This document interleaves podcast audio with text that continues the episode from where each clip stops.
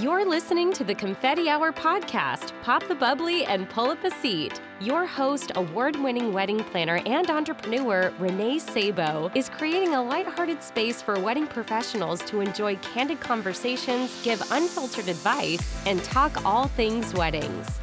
Before we kick off today's episode, I am excited to share that we are on Patreon and I'm calling on you, Confetti Hour Squad, to help support the Confetti Hour show with a small contribution of $3 per month. Your support goes towards the professional maintenance of the show, allowing me to continue to bring on reputable professionals to share their incredible journeys and tangible tips to help wedding professionals like you and me elevate our services.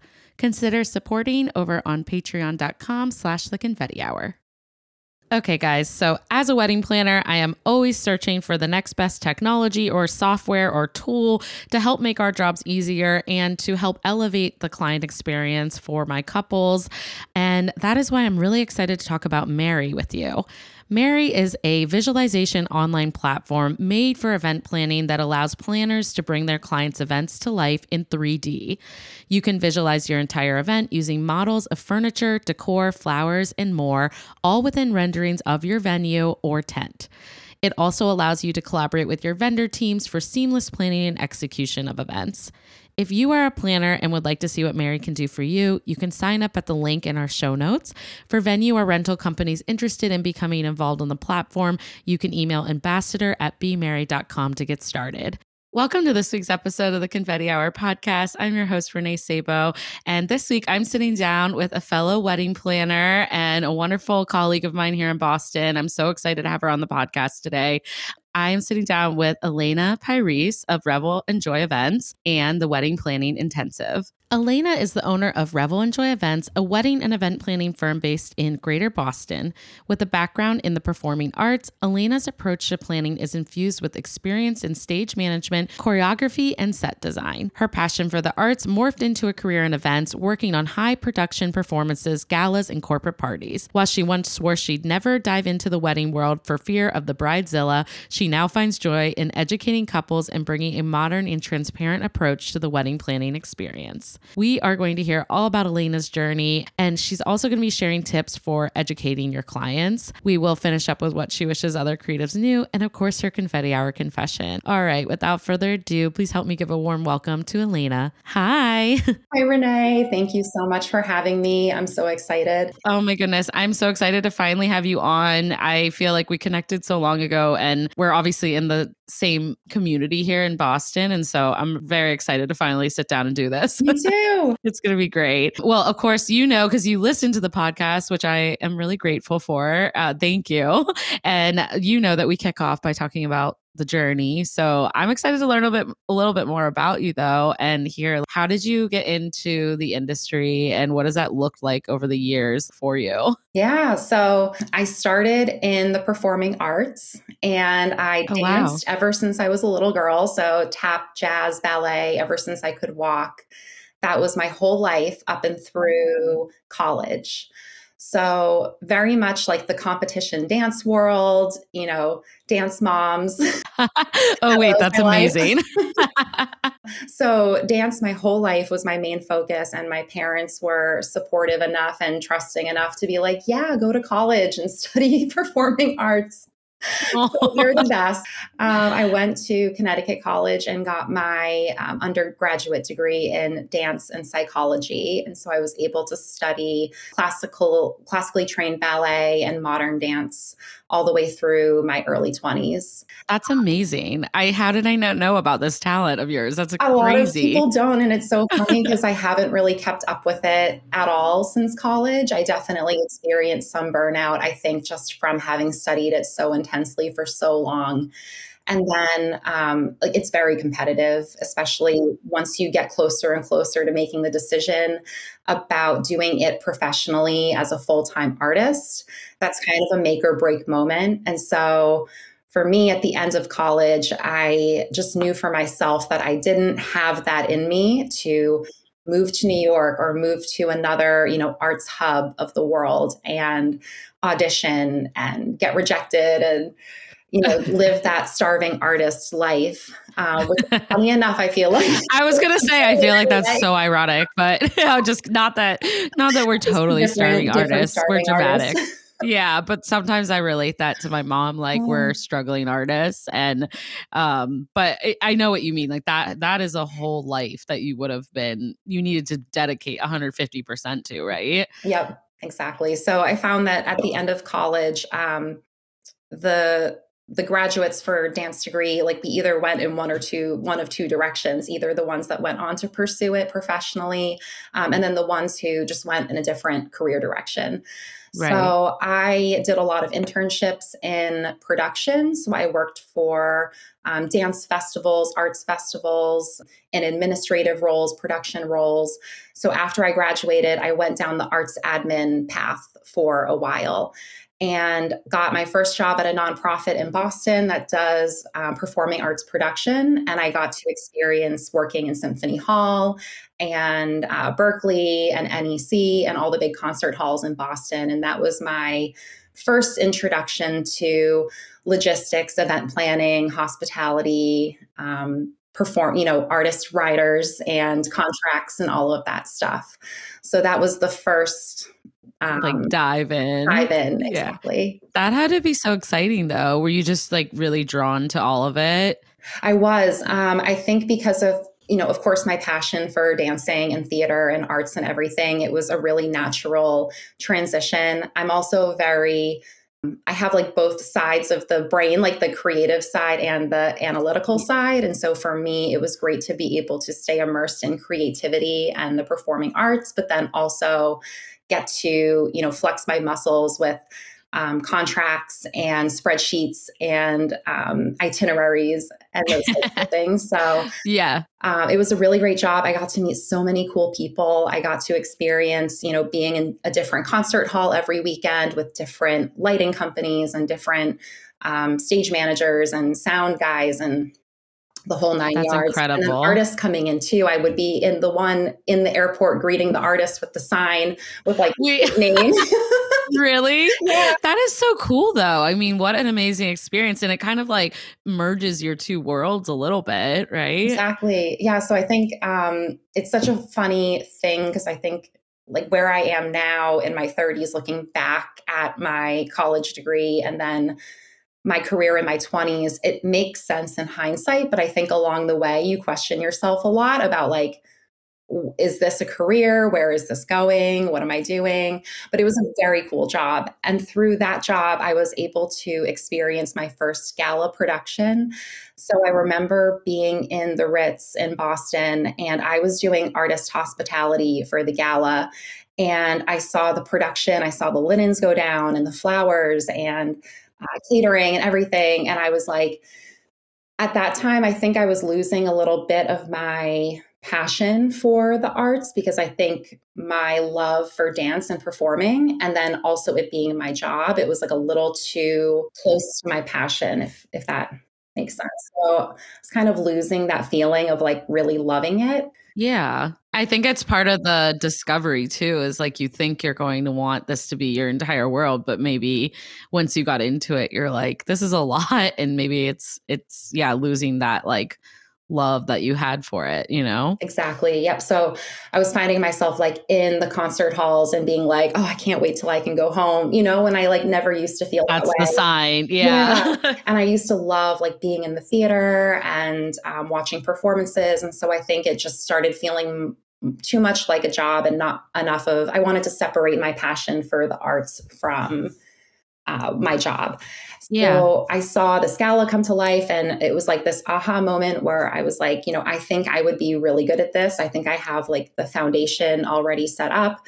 I don't yeah. know anything about catering. I don't know what size tables are. I don't know, you know, I don't know anything about flowers, but um, I think I have, you know, the foundation to um, explore that part of event production um, for special events and see what that's like. So then I did some networking and I started trying to gear my resume more toward event focused language and um, networked into two different event jobs for two different planners in Boston.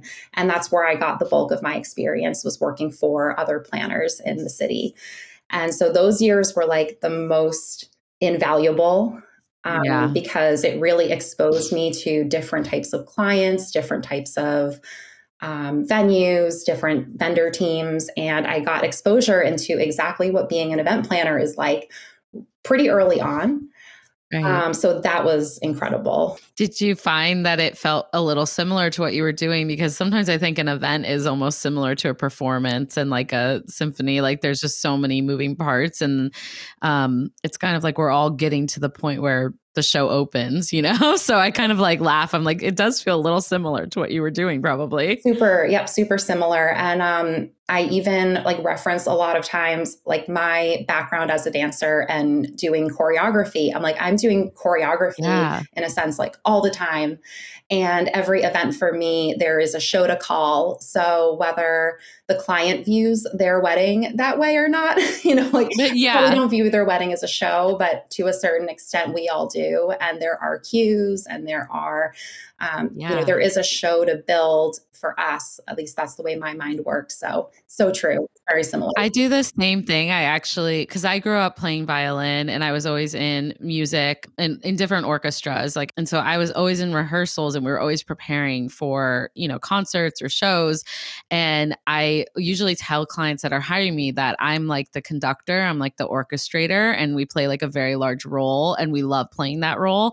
And so I'm constantly like relating my job to like that experience that I have. And I think people, can understand it though. Like I find they have a really hard time understanding what we do, to be honest. And so I try to like say, you know, if you think about like an orchestra, there's like all these different, you know, parts and ensembles and people to manage, and and we're like that conductor, you know. And they're like, oh, that makes sense. Yeah, It's yeah. so and then when I have. it's so relatable. And then when I have like uh, real estate couples, I'm like, I'm like the general contractor, you know, Me like we, too. I always compare myself to the contractor or the broker. And I'm like, you know, you're a first time home buyer and I'm your agent. and I'm showing you that, you know, you say you want XYZ, you know, your list of everything you want. And I'm showing Yeah. you the house, you know, and how much literally it's really similar. So It is. It's so similar. I I love hearing about your journey though. I didn't realize that you had that background in, with performance art. That is amazing. We'll have to go do a show together. so that background i think has really informed um, like the planner that i am now in so many ways Yeah. because i do have that history with calling a show and lighting cues and production and the show must go on and through dance too you know like in ballet there's this really messed up mindset about you know you're supposed to be like a swan mm. or like a duck you know you're calm cool and collected above water Yeah. and on the inside you know it's full horrible you know pain work muscle sweat But yeah. in LA, you have to make it look like it's so easy, like you're floating. And so that Yep. Is really, I mean, it served me really well in my job, but I also think that, that it's also a really kind of It's like a sad mindset, but you're right. But it's the same in weddings. You're right. Like mm-hmm. we get one shot and we don't get to show that anything behind the scenes and that struggle. I mean, reason I love you specifically is how transparent you are with your, you know, clients or just even the wedding world and couples that are like, you know, following you online. And I think that there's a way to do it gracefully. And so I think I feel like that's something that we've bonded over. Like I think we find ways to do that because I think also people like want the transparency, but a lot of times it does feel like that. Like we have to put a mask on and make it look like a dream and a fairy tale, even though behind the scenes, like we're probably having like very stressful days Mhm. working. So especially the last couple years, you know? definitely. So that it's been an interesting ride throughout my 20s and early 30s to get to where I am because it went from performing arts to working for other planners and then I hit a point where I knew I always wanted to work for myself in some capacity because I grew up with that example from my parents. They are self-employed and so I've grown up kind of around entrepreneurship and um, having that flexibility you know for home life and control over your schedule and you know where your career goes kind of having that total control over making your day in your future. Um, was always interesting to me but i am a very cautious person and i um, i think i was just very hesitant about like how to make that jump from working from another planner with another planner for another planner to being my own business and i just was like how how do i even make that jump? So i decided to get out of the um, event production world for a little bit and i went and worked in higher education. So i worked oh very for, cool. um, harvard business school and i did events there for a few years. And that was really like a nine to five because in higher ed you know we were doing morning and midday meetings, like very little um, night and evening work. So it was a really great job to let me have a little mental break from event production and focus on myself and say to myself, like, how am I going to do this? Yeah. Yeah. Like, how am I going to do it? So for a number of years, it was when I started Revel and Joy in 2018 and then like more officially in 2019, it was like taking client calls from the car on my lunch break and I've been there. Fun. Yeah. Uh, yeah. So I did. I did that. You know, working a full time job with my also full time business side by side for um, two and a half years. Yeah. And then I went full time this past fall and took. oh my gosh! Congratulations! I thank you. I here you are. I know, and I think actually that's like a really nice way to go into your own business. I had a similar background, which you know, and it's it's nice to not take the dive so quickly because there's so many things you have to figure out as a business owner and then having to worry about your finances on top of it is like it's a lot. So i kind of love the progression. Of course it, it's a lot to have two full-time jobs too so you must be relieved to finally be able to focus full-time on everything. Yeah it was funny because covid you know we all worked from home so um, that was an unexpected transition. I definitely expected my leaving my nine to five to feel more like, you know, I was still in the office five days a week and right. I'd have this moment, you know, where I'd go in and, but, and it was different, you know, because we were working on Zoom for a year and a half of my last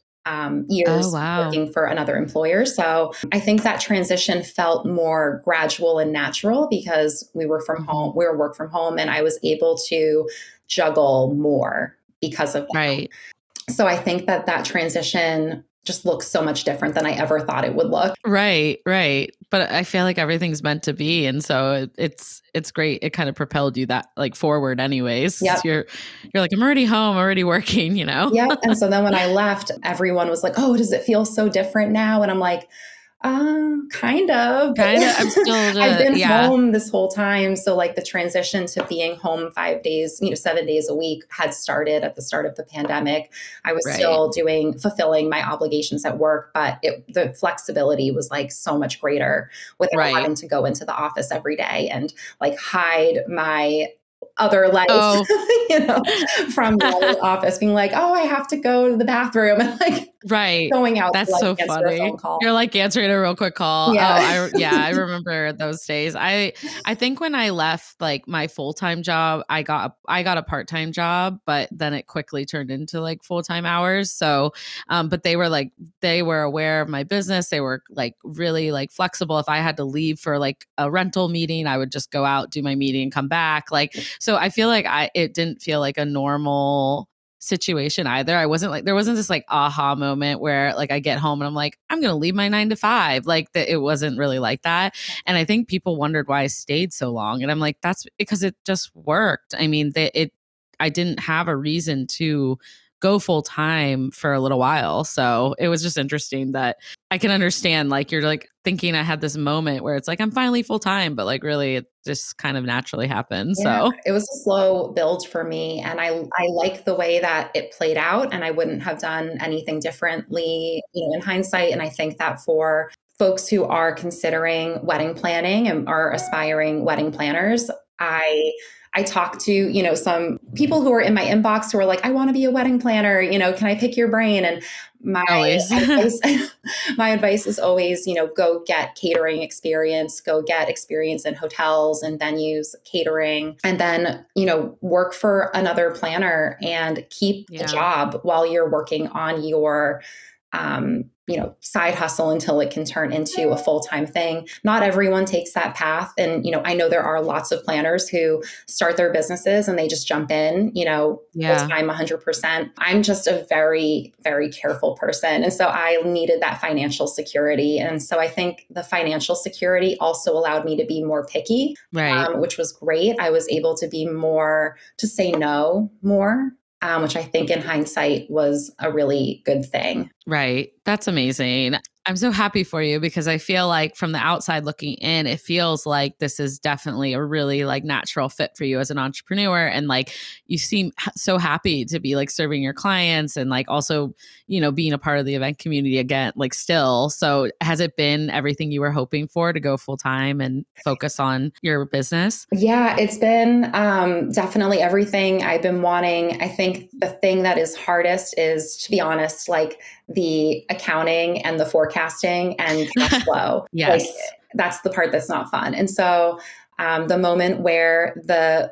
you know bi-monthly automatic deposit stops into your bank account is definitely a really hard switch but i think once i was able to get past that after the first few months it definitely gets a lot better in making that transition and i'm so happy i absolutely love being able to take my dog to the park every morning and you know being able to take a call at 6 p.m you know and you know work on a design plan at 9 p.m and you know work around my schedule and when i'm able to do my best work i think that that's like the freedom that i was after yeah, that's amazing. I feel the same way. I don't really know how I would go back, honestly, at this point. Yeah. It's hard.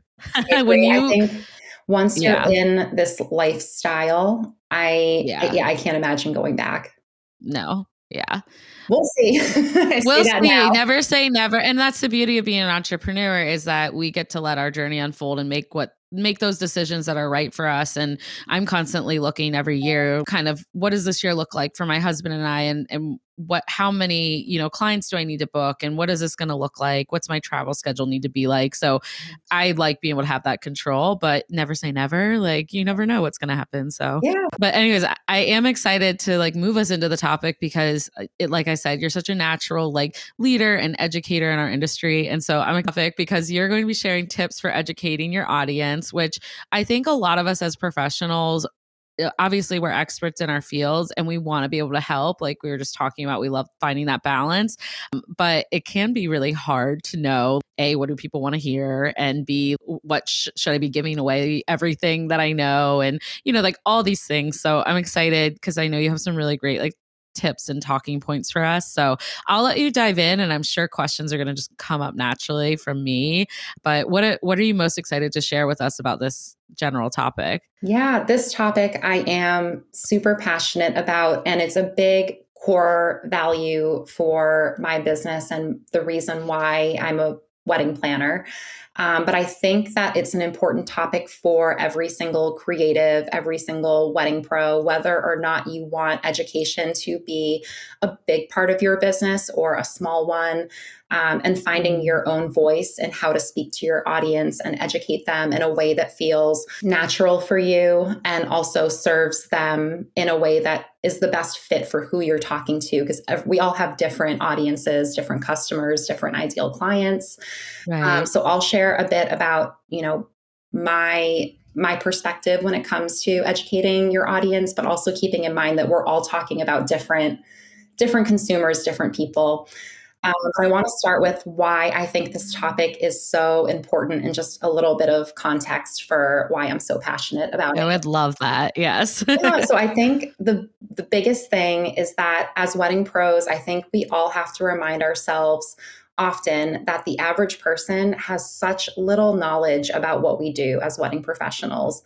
They may have a surface level understanding. Everyone knows what a DJ is, everyone knows what a photographer is, but the average person has very little knowledge about what we really do and what we really do as you know full-time professional business owners and full-time creatives right so some things that i hear all the time as a wedding planner and I'm sure you've heard all of these things too, Renee.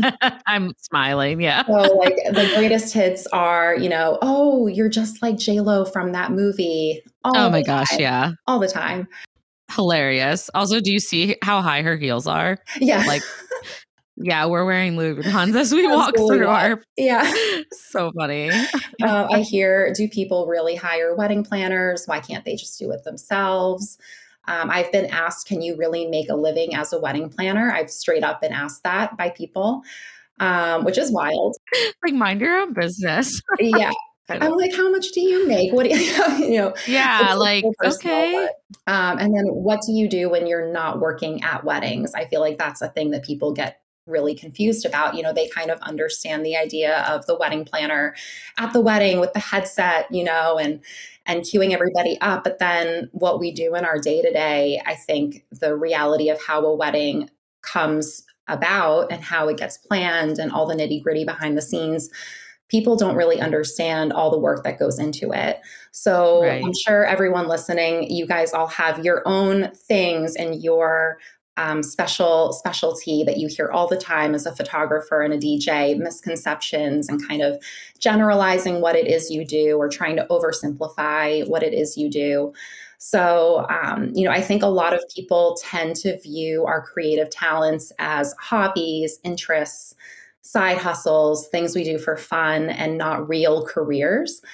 Because um, what we do doesn't really fit that traditional mold that a lot of our parents and grandparents, and maybe even some people in our own generation, um, know to be as like careers that we understand, like a doctor, a lawyer, an accountant. I think for myself, I'm constantly reminding myself of that, that the average person doesn't really understand you know, in great detail what it is that wedding professionals do. Yeah, absolutely. And I think that there's also a lot of misinformation online about what we do like you mentioned and so just this like whole circle of things just keeps kind of like making it hard for us and i would also say that it's changed a lot over the years. Our industry has grown so much and my mom did hire a wedding planner. That's actually how I got into the, you know, industry, you know, and it was so different what that they actually were a day of coordinator. like, you know, like we're all so against that now because it doesn't really exist. But back in the day, weddings weren't as elaborate. They weren't they weren't getting into quite as many like production installations, all these vendors, and a day of coordinator. She met with us like twice and showed up on the day of. It was perfect and she did great job. But things just evolve a lot too. So like mm. I love that that was kind of what you opened up the floor with because I do think people don't realize how little people actually understand about our world as event professionals. Like, mm-hmm. really, the options are endless. And now there's so many different players at Key involved in projects too. So that's so true. That's actually um, like one of the other points too is like the evolving wedding industry. And like, that's a perfect example about your mom. You know, a lot of families have some kind of point of reference when it comes to wedding planning and what they know and what they understand about it. So I work with so many couples that have parents that say like, "Oh, well my wedding, you know, in the 80s and referencing what video was like back then and referencing how much their venue costs and what they paid for their caterer and we're talking about weddings that were planned over 30 years ago." So, but I'm like dying like how like think about the housing market and how that changed. You know? Yeah, well, that's what I was gonna say. I was like, my house also wasn't, you know, what it is now. And back 30 years ago, I know it sold for about half the amount based on the record. So um, that's such a good example too. I do find that as well with my couples and the parents. There's definitely this like misconception because of like how times has changed Definitely. And I think that in educating, you know, a lot of our audience is the couple, but then a big part of the education does extend to the families and extends to the parents and the folks who are financially contributing. And so I think that a lot of my ed- responsibility as a planner and as an educator is to also you know be patient and take the time to educate my couples you know families and and what they um, have as their point of reference in terms of the way weddings are because everyone has different experiences with wedding planning. So right. It's it's such a big reason why i feel like this topic is so important because i think we kind of like owe it to the community in our industry to be able to articulate that to prospective clients, current couples, um, and are in each other. To be honest, like other vendors don't even understand the scope of what you and I do, and it's frustrating because they want us to give them business so badly, but you don't or take the time to understand what my service is and who my clients are. And so, yeah, I love this. I just, I'll keep you, I'll let you keep think, going. Sorry. No, but no, I'm just I so excited. That's a really good point, too, that we can get into about education, too, is that especially on our social media platforms, like we're not just talking to prospective clients, we also have fellow wedding professionals and creatives consuming our content, and it's educational for them, too.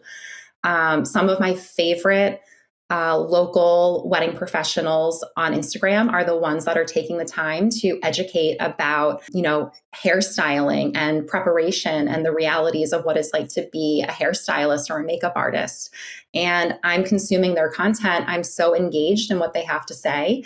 And I often already know a lot of the stuff that they're saying, but I'm still very engaged in their content. So imagine how a couple feels who doesn't know this information. You know, imagine how much more engaged they feel that they're learning all of these things from these experts you know that they are maybe considering for their wedding day um, or maybe they weren't considering you know hair and makeup at all but then they they engaged in this content and then they said wow i didn't realize you know all that goes into you know makeup application and how long it lasts and the quality of the products and how it's going to look on camera you know like all of these things are i think things that we take for granted because we work in this every day. So we know these things about ourselves. We know how valuable and important makeup application is for your wedding day. But I think just this regular reminder that the average person does not know these things um, is just really important and then also, I think, can be a good springboard for what to say and what to share. And just keeping that reminder of like, you're talking to an audience that knows very very little and i think don't don't think that they know more than they do like kind of assume that they know nothing and that's a good way yeah. to start I think that's such a such a perfect uh, point because I loved your reference about hair and makeup. I, I, have a bride who actually owns a salon. She's amazing, but even I'm like following her tips on like we learn from each other all the time. She'll ask me things about weddings, and I'm like, what do I do about this with like hair trials and you know what is normal? And you know she she constantly is giving me tips on my hair too, which is really nice. But I guess I would have assumed that maybe she knew about the wedding world a little bit because she mm-hmm. does work with brides, but she is one of my brides. And she said to me when she first hired me that she knew she needed a planner because she knows there's this big gray area of a wedding of the wedding world that she's only a part of this small part, you know? And she loves that part. She wants to be able to focus on that and she wants to be able to enjoy being a bride. And so she leaned into having the expertise of a planner because she's like, I know there's a lot mm-hmm. of stuff I don't know, is basically what she said. Yeah. And I was like, wow, that's so refreshing to yeah, hear. That's incredible. yeah. I think so. Yeah. Whenever I do a prospective client call, I am always focusing on what am I sharing with them? What can I share with them today that they do not already know so that they leave the call and they say, what else does she know that I don't know? That's my biggest strategy because I love that. I think if you're going into, you know, prospective client calls and you're selling yourself you know, in kind of the like putting that in a box and saying, like, I'm going to come up with a sales pitch, you know, and I'm going to talk about myself and talk about yeah. my services and talk about what I can do. Um, the client's totally going to zone out because number one like they can get all that information on your website and they want to talk about them because a part of education can also be in these prospective client calls. It doesn't just have to be putting content on instagram.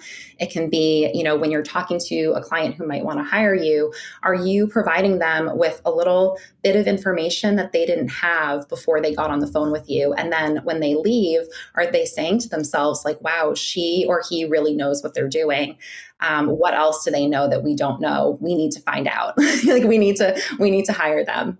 Yeah. And I actually hope that other vendors don't feel like this only applies for planners because I think that it's actually even more important if you're a photographer, a videographer, a floor, anything. Like I think this is so important on an inquiry call at showing your value. It's it's absolutely something I love about the sales process with clients because we're interviewing them just as much as they're interviewing us and being able to educate them like from the very beginning like you can kind of tell if it's the right fit and if they want to you know mm-hmm. trust your advice and be molded into yeah, your process you know? Um, and so many people i don't think take the opportunity to do that from the start. It's like such a great way to connect with them and just kind of set you know that you know stance. I mean i don't like to say i always think a wedding's a collaborative collaboration of course but like we are supposed to be the experts so it's a good opportunity to do that. Definitely. Um, and then one more thing that i want to mention just in terms of you know why this topic is so important is because i find that this um, lack of knowledge, you know, lack of basic understanding and curiosity to know more about the wedding industry. This is true, at least I find, across different tiers of wedding budgets. So, right. Um, it for me, my experience has been that low budget, high budget, anywhere in between, you know, the desire to have an understanding and to know what you're getting and understand the value of what you're paying for is there. And in both instances, it's in my mind, it's like, so for a lower budget wedding, the money just isn't there. The higher budget weddings, the money is there, but it doesn't mean that they're any less careful about how they spend it. And oftentimes I find that they are more careful, they have more questions, or just as many. Um, right. If they were spending twenty thousand dollars versus two hundred thousand, so I think the education, the direction that you take might differ. You know, the topics that you talk about to a couple spending 20,000 and the topics that you cover for a couple spending more are going to be different. Um, but I think the desire to learn and to be an educated consumer and understand where your money is going is still there across the board. So I think it can be beneficial no matter what market you serve. Yeah, I love that point. Actually, I I find that the way I educate my clients has changed as I've moved markets over my career, um, and not in a bad way. But I would agree that my higher end budgets are actually needing more guidance and more educating because we're dealing with uh, just more, you know, elements, more, eh, you know, contractors, different types of things. So it's just important for them to understand the value and and kind of like what we're getting ourselves into. Where some of my like, you know, earlier days when I was working in a more budgeted market, um, we only had like say five thousand dollars for florals. And so that that was pretty straightforward. Like here are the low centerpieces, here's the bouquets, we're good to go. They didn't have questions, if I'm honest. Yeah. Like they weren't, you know, they're like, great, fits in the budget, we're good. But now it's like, you know, if a client is spending a certain amount on these areas, um, likely they care a lot about the quality as well. And so, not that the lower budget brides yep. don't or couples don't, but you know what I mean? Like, it's just there's a lot more that goes into some of these larger budgets. And so, of course, they're going to have questions. And um, for me, it's a lot of educating what it, what to expect in with the experience, what the process is going to look like with each vendor, and you know what is appropriate. Is this like normal for the market. Like they don't want to be taken advantage of just because they have a larger budget. Exactly. So I think that part is so critical because I I've experienced the same thing and the client like floral for example i've had clients who end up spending you know 20000 plus on flowers are they going to come in saying i would love to spend you know 20 to 30000 on flowers no but in figuring out what's important to them and their vision and their expectations and what they expect the end result to be and what they expect the process to look like um, presenting them their options and educating them about why flowers cost what they cost and why the talent of the person who is designing you know costs what it costs they come to realize okay you know this matches up with what i'm expecting and that's the price tag you know and so this is the designer I want to work with. I value their work so much. And so we're going to make it work. We're going to invest in that. We're going to find the money or put the money toward that. Um, but I find it's really rare that couples come in right out the gate with their perception of how much things cost aligning with reality. Like across different markets, like it never lines up. Yeah, yeah. So there's always you know, educating along the way. Um, oh goodness, there. I don't think that the educating ever stops. I mean, even after a wedding, I'm working with my clients post wedding on what's what's typical for publications if they want to submit to that, or they'll email me and say like, Aunt Jenny hasn't sent a card. Do you think that's weird? You know, I just don't think that the education ever really stops, but I really value that relationship with my clients. And if they hadn't trusted me from the beginning, I hadn't started putting in some of these tips that you were recommending, I don't think they would feel like they had that relationship with me and they wouldn't probably refer me to future couples that they love because they're like Renee truly just ha- like wanted to help us this entire time and that's what you do for your couples I know. So these tips I think it goes beyond just like attracting the right client too. Like this is just like down to a core like why are you in this industry if you don't want to get to know your clients and help them, yep. you know? And definitely. it's about how we do it right yeah, you know? definitely. Um, so i'd love to talk about how educating your audience will benefit you because i think it's really we all understand that education benefits the consumer and going in with the perspective of you know what am i giving? What am i teaching um, is beneficial to who you're talking to, but there's also so many ways that it will benefit you and come at, come back to really help your business if you take the time to build in more educational content and come from a place of wanting to help. Ways that it'll benefit your business what things that come to mind for me are that you're positioning yourself as an expert every time you share this insight. And the more you educate, the more you're creating more value for yourself and for your area of expertise. So, in my mind, whenever I'm sharing educational content when it comes to wedding planning, I am positioning myself as an expert in my line of work. And I'm also creating more value for wedding planners across the board. And honestly, I see that as a really good thing because yeah. The more the average consumer in the wedding industry can understand what it is we do. It's going to benefit me, it's going to benefit you, it's going to benefit future wedding planners, you know, coming up along the line. And it can only do good things um, in terms of making us all feel like we're sharing how valuable we are. And I think we should all be more honest and transparent about, like, you know, what it is we do and how we do it because I think that it really creates value.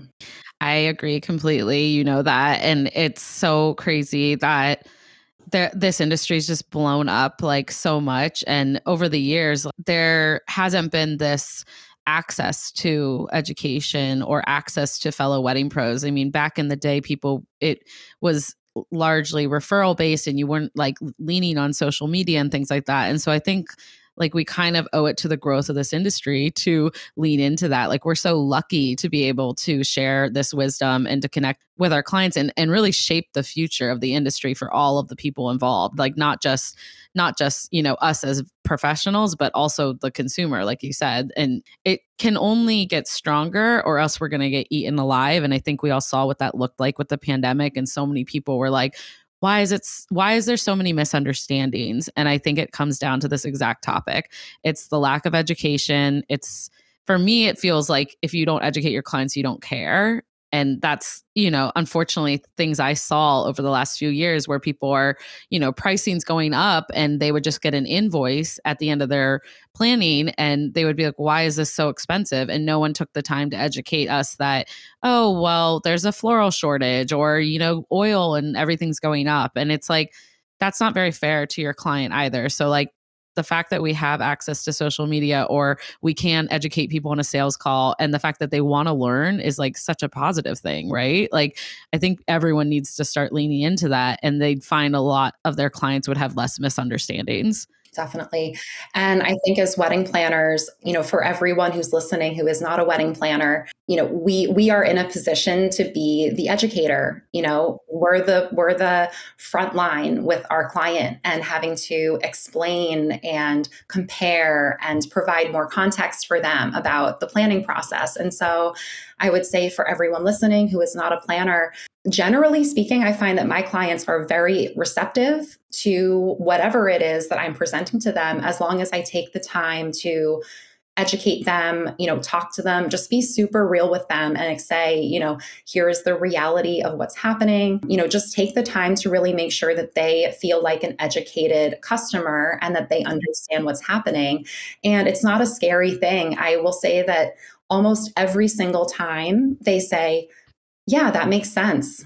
You know, like right. I, I, understand, yeah. I understand now. You know? And they're usually like, thank you for explaining yeah. it to us. You know, the, or they always say like, this may be a dumb question. I'm like, there are no dumb questions. Yeah. Like this is all, everything we do, every wedding's unique. And while I may work with the same players or the same vendors, your wedding has different, you know, specifications and it's cut, you know, it's personalized. So I think there's no dumb questions. I, I love what you just said though, because I feel like, as a planner, I want to be educated just as much as I hope to educate my clients. So, like, if you're working with us as a vendor, please don't feel like you can't say something to me because you want to make sure that you know urban soiree is happy. Like that's not a team player for me. I want you to educate me so that i can educate my client best you know? Definitely. Um and that creates a good team right? And a good experience for them so yeah.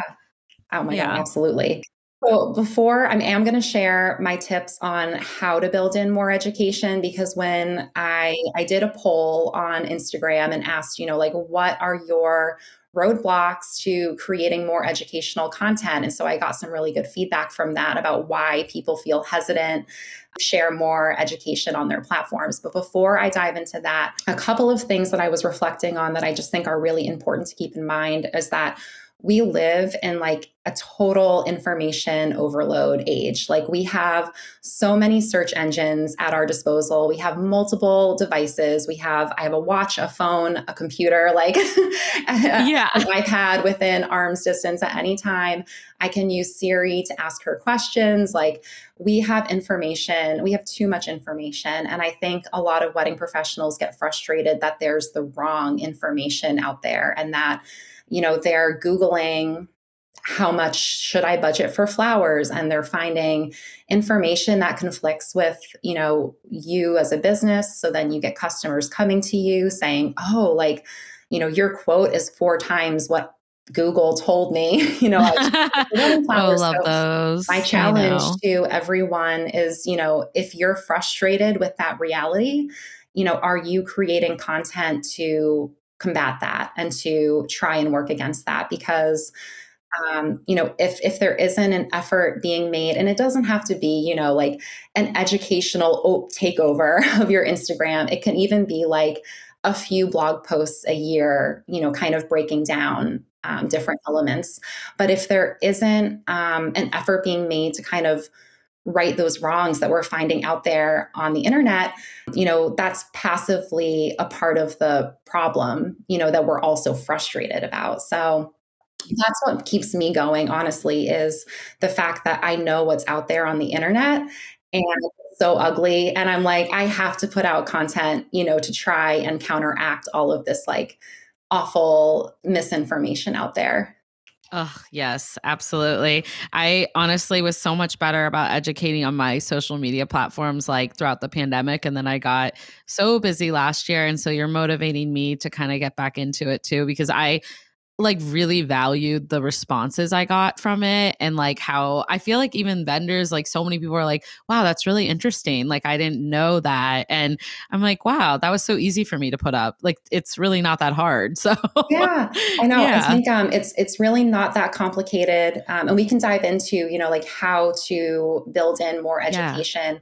so when I asked you know what are some of the roadblocks? um, a big one was finding the time and so I think that that's a really good point about you know we did have this um, i mean we it certainly wasn't downtime during during 2020 i could cry like thinking about it. But it was the worst. we didn't have as much content you know we didn't have you know all these galleries to upload and um, you know like an overwhelming amount of images to share. And so um, i think what to say on social media a lot of people refocus because we didn't have as many weddings to talk about. And so, kind of shifting gears a little bit was something we all did during COVID. Um, so, I know finding time is something that a lot of professionals struggle with.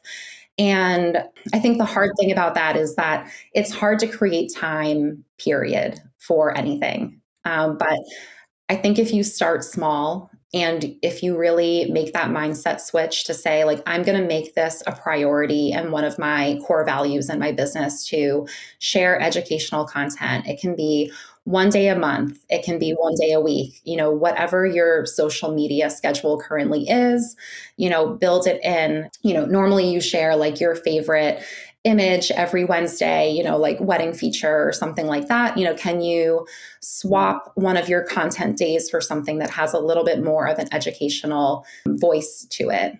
Um, right. So I'd say, you know, don't try to overwhelm yourself or add on more content, I'd say, you know, with what you're already doing, you know, how can you just make a shift to change some of your content days and right. focus more on education? It can be like a half hour a week where you put it in your calendar and you say like from, you know, 10 to 10:30 I'm going to sit down and I'm just going to like do a brain dump of all the different things that are um, questions that you know clients have been asking or things that i feel frustrated about in the wedding industry that i want to share my perspective or my voice on that i think can serve you know the audience that i'm talking to. So start small you know carve out like a half an hour or 15 minutes every week to just start writing a little bit of content doesn't have to be yeah. you know an overwhelming it thing. doesn't have to be crazy yeah no yeah. i love that and i feel like it's so digestible and especially if you batch it a little bit because i find a lot of things go hand in hand you know it can be small tips like you know oh, some of my even my blog posts are you know the five things you have to include in a budget and then it's also like you know i could literally write 15 blog posts just about budgeting. And so it's like you can just start small and keep building that up. I love those tips. Exactly. Yeah. that's the perfect way to kind of break it down. You don't have to do you know you don't have to write a book about budgeting because you could you know we could. Um, we could. That would be exhausting you can break down you know the one component. Is so true. So like you can just break that down. I love that. You know that's a really good example of like a great blog post that i think would be approachable for most wedding professionals to come up with their own version of that um, yeah. Um, so a lot of wedding pros said that they were unsure about what to talk about and then that was a big roadblock for them and i'd say kind of along the same line of what you were talking about, Renee, like all the content you need is right at your fin- fingertips and it's not that hard. Um, mm-hmm. I think we have more information available to us to write about than we think we do. Definitely. And some of the things that, you know, you can ask yourself to kind of pay attention to is, you know, what information do you think your customer is looking for? Like, what does your ideal client want to know? Um, you can do an Instagram poll. You can ask your current clients, you know, you can ask them, you know, what was the most stressful part for you about finding a photographer? Mm. Um, you know, what were you surprised to learn, you know, through the process right. of working with me? And as a customer, like I'm, I'm a bride currently. And so I, I would think that that would be such a welcome dialogue, um, you know, from folks who are getting married to be asked those questions and to want to, for wedding professionals to say, like, we want to hear from you about what it is, you know, what this experience has been like for you. So there's so much information you can get just from your Instagram audience or your current clients if you feel comfortable asking them that, you know, maybe after the wedding or if it's natural to bring it up, you know, in dialogue along the way. Um, but using kind of what you have. No, I love it. I mean, it's it I think we all make things a lot more complicated than they need to be. 100%. So just just start somewhere, you know? Yeah, exactly. Um, and I brainstormed some things. So, you know, like what questions are you hearing during the sales and booking process? So, for a florist, maybe you hear a lot, you know, oh, I didn't realize a bouquet would be that much. You know, maybe that's a shocking number that they didn't realize that a bridal bouquet, you know, would cost X. So, maybe breaking down the cost of what goes into designing a, the average for you, average bridal bouquet and what that looks like.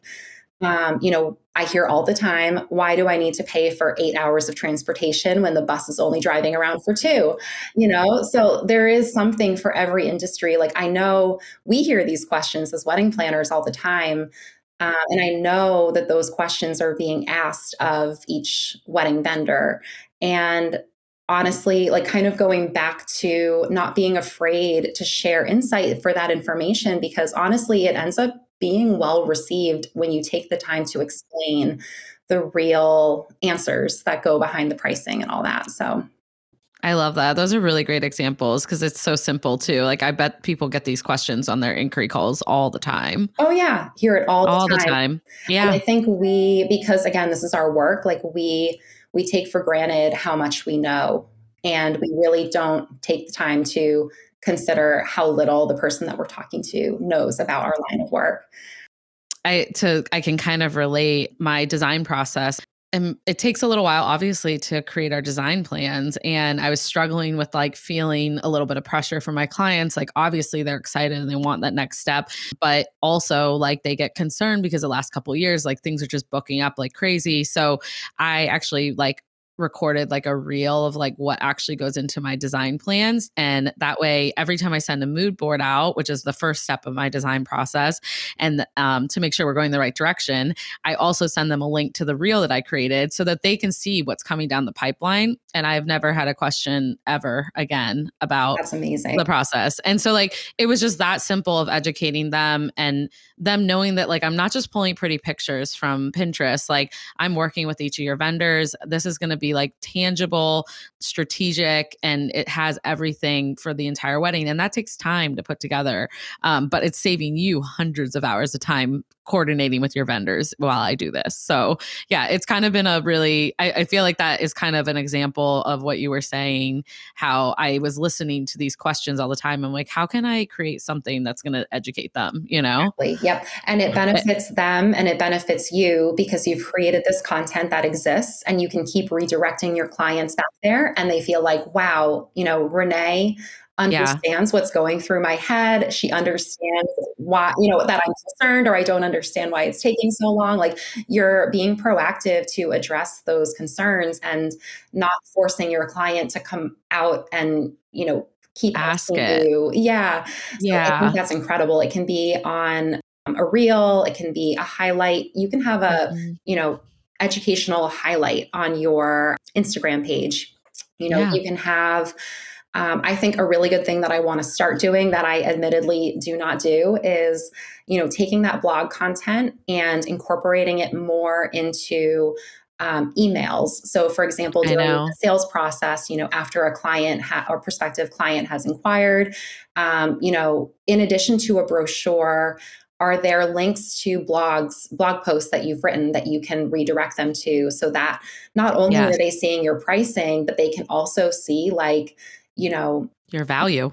value. Yeah, whatever yeah. whatever you want to write about, whether it is kind of breaking down, you know, uh, photography price point or um, kind of the average day as a wedding photographer at your wedding and you know like when the day actually starts and you know what post what production post production looks like and what you do when you get home and how many hours you log just to make sure that all of their all the footage and everything is safely stored um, you know those are the things that clients don't see. Like they think we just get in our cars and like drive i know.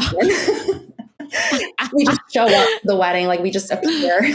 It's like yeah like this all just comes together easily. And then it's yeah. funny because after we work with our clients they understand. And some of those are the most powerful referrals i have because they can explain it. And so i just think you know all this kind of combined with like referrals it's just creating such a beautiful way for us to connect with the right people so. Yeah. And going along the same lines, too, of your example of how you've addressed that concern from your clients with the design process, you know, for everyone looking at your own working process and thinking about like what questions does your client have? Like when will we hear from you next? When will we start working on the timeline? Um, what can i expect on the wedding day? Like all of these questions they have are opportunities to create an educational dialogue about um, you know, just expectations. Like it does, I think education does go hand in hand with like managing expectations from your client. And it's really going to help serve you to put in the time to share that information proactively. Absolutely. I agree. and so, you know, you guys could talk about, you know, like day in the life. I love seeing, you know, the artists who do um, like the hand lettering. I could yeah. literally spend hours watching their time lapse videos of them doing hand lettering. Literally. Yeah. So, Same with makeup tutorials. I'm always like yes. watching their art, like, because it's art to me. Yeah. Yeah. And I think um, some feedback I got on Instagram about like the roadblocks. I know someone mentioned like just questioning whether what they were sharing was even interesting. And I think we don't give ourselves enough credit for just how interesting our jobs are. And like, you may not find it interesting because you do it every day But then right. someone who doesn't know what they're doing, they might find it fascinating, you know, for you to break down your styling kit as a photographer. And, you know, like, what do you bring to every wedding? Like, you know, your styling mats and your details and the ribbon and all that. People might be like, wow, I didn't even know a photographer traveled with with that type of stuff. So the right. things that we consider to be like very boring, it's not, you know? Yeah, yeah. Someone absolutely. who doesn't know, you know, it's it's not boring. And there's always there's so many people in the world and everyone has different questions and needs. So I think that it even if it's not the right you know content for some people it is for a lot of other people so i don't think there's any silly you know topics.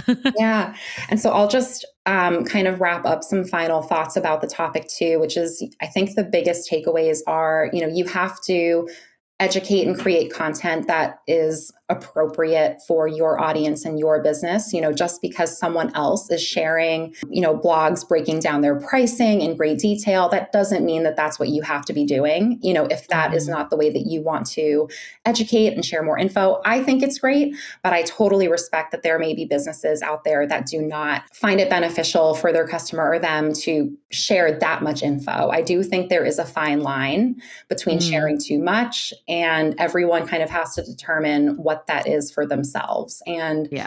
your own comfort level. I would encourage to try and step just a little bit out of your comfort zone like for everyone listening you know do don't do something that is totally not you but at the same time i think in terms of sharing content it is going to feel a little uncomfortable um, you know right. to be a little more transparent share a little bit more you are going to feel like you're kind of putting yourself out there um, I just think I've experienced that there's a lot of good that can come out of it and a lot of benefits for me, a lot of benefits for my customer. And then incorporating, you know, just think about all the different platforms. So stories, reels, TikTok, IGTV, your feed, newsletter, blog posts. Um, I know there's a lot of really great professionals that have come on and talked to you, Renee, that talk about the value of repurposing content and how you don't have to write something new every time. You can come up with, you know, an Instagram feed caption and you can repurpose it across like so many platforms. So it doesn't have to yes. be kind of recreating the wheel. It's very evergreen too. I mean, you can continue to do it over the years and update it, refresh it. So I yeah, no, these these tips these are so valuable and so I just like can't thank you enough for your wisdom and transparency and like just like your passion for sharing with like others cuz I hope that people feel it strengthens our community, you know? So, but of course, before I let you go, before you, I I let you stop sharing, I'm going to ask you what you wish other vendors knew. so I have a perhaps unpopular opinion that I want to share. Um, so what I wish other vendors knew for for those who are not wedding planners, my it's my perspective that you should not be expected to be wedding planner ex, wedding planning experts in addition to your creative line of work. So I see. Yes. I feel that I agree strongly with this one. We feel that in our core. uh, so, yes. an example I see all the time is like my dear photographer friends. Like, I see you guys getting called on all the time to help couples find vendors, venues, like learn all the different ways to bustle a dress, tell them when to mail their invitations. Like, I just think the photographer that those questions fall really heavily on that line of work a lot of times. And as wonderful as it is to want to help, I also think there is even more value in redirecting that couple to a wedding planner or a stationer or a professional who is able to more expertly address the questions that they have, as opposed to trying to do all things and be all things to your couple. You really look like an expert when you say, you know, I don't that is not my area of expertise, but let me send you over to my some of my favorite wedding planners. Let me send you a blog post from one of my favorite stationers. Let me share some content. So I think the more that we try to redirect our clients to go get the expert help that they need instead of trying to be all things to them, you get to do more of your craft. I think it becomes less diluted, you know, your value. And, you know, you look more more like an expert, you know, the more you redirect to your network. So that's Absolutely. my opinion. No, honestly, it's really wonderful. And I think that I've had other professionals on the podcast that kind of insinuated the same desire. I had an episode that actually never aired. We recorded the week before we all went into lockdown, oh. and it felt a little tone death to air it at this point. But um, we'll have her back on, and I I will be excited to share who that was. But she works for a bridal boutique, and she had a very similar um, confession, and it was it's hard for them as well when people come in thinking that they you know their photographer or their planner has told them something about the dress shopping process and i think that we need to respect each other as those like you know talents that if you don't know don't talk about it just mm. direct the person to the right place to look. And so that's something I'm very careful about with my job because we can be seen as the person that knows it all. Mm-hmm. And sometimes that can be hard. And so I'm always like very careful by the way I go about giving my advice with like attire or, or anyone's craft. I, I want them to talk to the photographer. I want them to see why they have that process. And I'm kind of in that liaison you know, role as opposed to, I guess what I'm trying to say is I'm not always the right person to educate them, but I'm always the right person to direct them where they need to go. Yep. So I, I love your, I love that. I feel that that's a really important one. So I'm yeah. appreciative that you. I just want like it. all the vendors listening to know that like it is enough to be a so like super talented photographer. It's enough to be like an amazing DJ and an incredible band. You don't also have to be a wedding planner, you know, yeah. sharing wedding planning content because couples will put that on you um, in an effort to not spend the time and the money to talk to a wedding planner. Maybe they have misconceptions about what we do as wedding planners, and it's a great opportunity for you to educate them, you know, about what we all do as wedding professionals and how we all have a role that we play that is valuable. And you know be doing your craft is enough. You know absolutely you, you don't have to do more I guess the other thing too is like we like that you do more, just do it right, you know? And like I see a lot of blog posts that go up and it it's very very like stressful as a planner because then my clients see it they ask me about well i saw this on this website and i'm like they don't even know what they're talking about. Yeah. so it's like really frustrating. Um, and you know, one experience that you've had with one couple does not represent all experiences or all vendors. So it's it's a little dicey, but I love this. I I feel like this is exactly why that question exists. What do you wish other vendors knew? Because my hope is that it will be you know an honest feedback for our community and would make us stronger so i thought it was perfect um, well do you also have a confetti hour confession for me though because I, I feel do. like you might Yes. So my confession, I and a lot of people who know me well know this, is that I did not want to be a wedding planner at the start of my career. Like, yeah, vehemently wanted to stay away from weddings as far away as I could. And when I can't I, imagine why.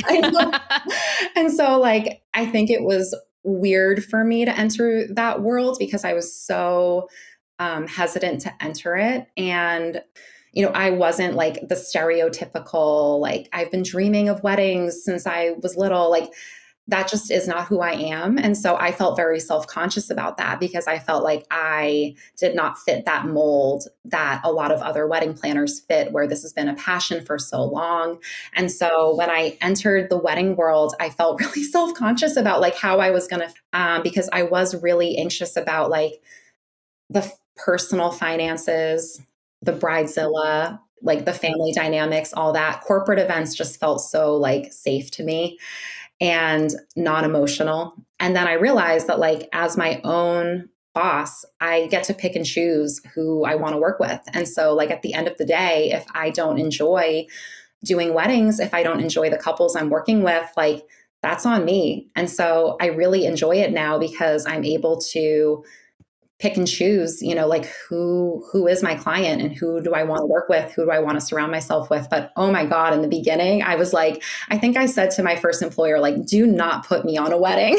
Like, yeah i did so not want to do it. ironic now. Yeah and now i i all I do is weddings right now. I do also do corporate and nonprofit, but at the time, at this time, I'm doing mostly weddings. And so I get so many jokes from like my family and my friends and people who used to work with me in past jobs. They're just like, I can't believe you're a wedding planner.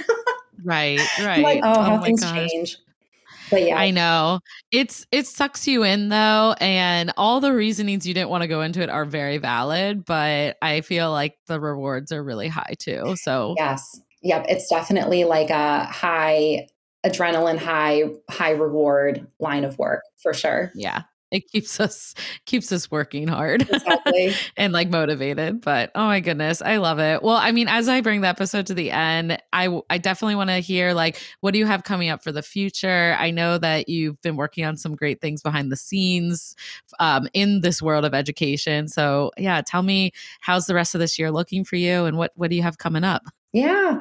So um, with Revel and Joy events, we are doing weddings. I also do corporate and nonprofit. So I think coming out of you know the COVID era of um, mask mandates and capacity restrictions and all that that were so hard on the fundraising and corporate sectors as well.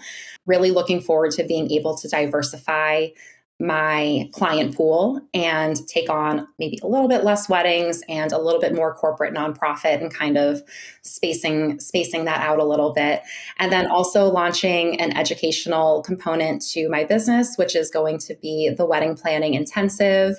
And my goal with that is to create another social media page where I'm able to share educational content that benefits couples of all budgets all you know, venues and aesthetics and able to keep my Revel and Joy events page more focused on the full service planning side of things because I found that it really is two different audiences and two different types of content. So the wedding planning intensive will be growing over the year. It'll eventually be a educational offering where couples will be able to go on and purchase different um, course modules. They can purchase you know the entire intensive or they can purchase you know a course that's specific to tented weddings or budgeting or whatever aspect of wedding planning they're having trouble with at the time.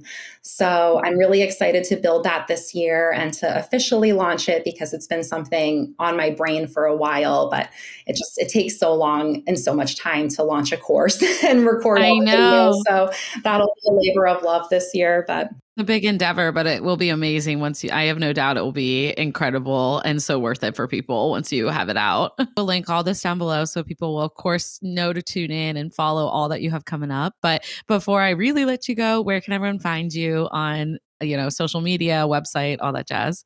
Yeah, so uh, online at revelandjoyevents.com, on Instagram, Revel and Joy Events, R E V E L and J O Y. And then also on Instagram, the Wedding Planning Intensive, which is a brand new page that just launched last week. So if you go on and follow, um, really exciting content will be put up over the next few months and really starting to get that page going. Amazing. I can't wait to yeah. cheer it on and follow along. And thank, thank you, so much again for being here. This was so, so helpful and just like so refreshing. Um, I loved having you. So hope, I hope you'll come back once you have more topics shelled out too with your um, education business. Oh my gosh. Yes. Oh my God. This was so much fun. Thank you so much. And that concludes this week's episode of the Confetti Hour podcast. Thank you guys so much for tuning in. I hope you absolutely loved our guest, and I can't wait to hear your feedback over on social media. Before we go, I just want to remind you to please subscribe and stay tuned for future episodes.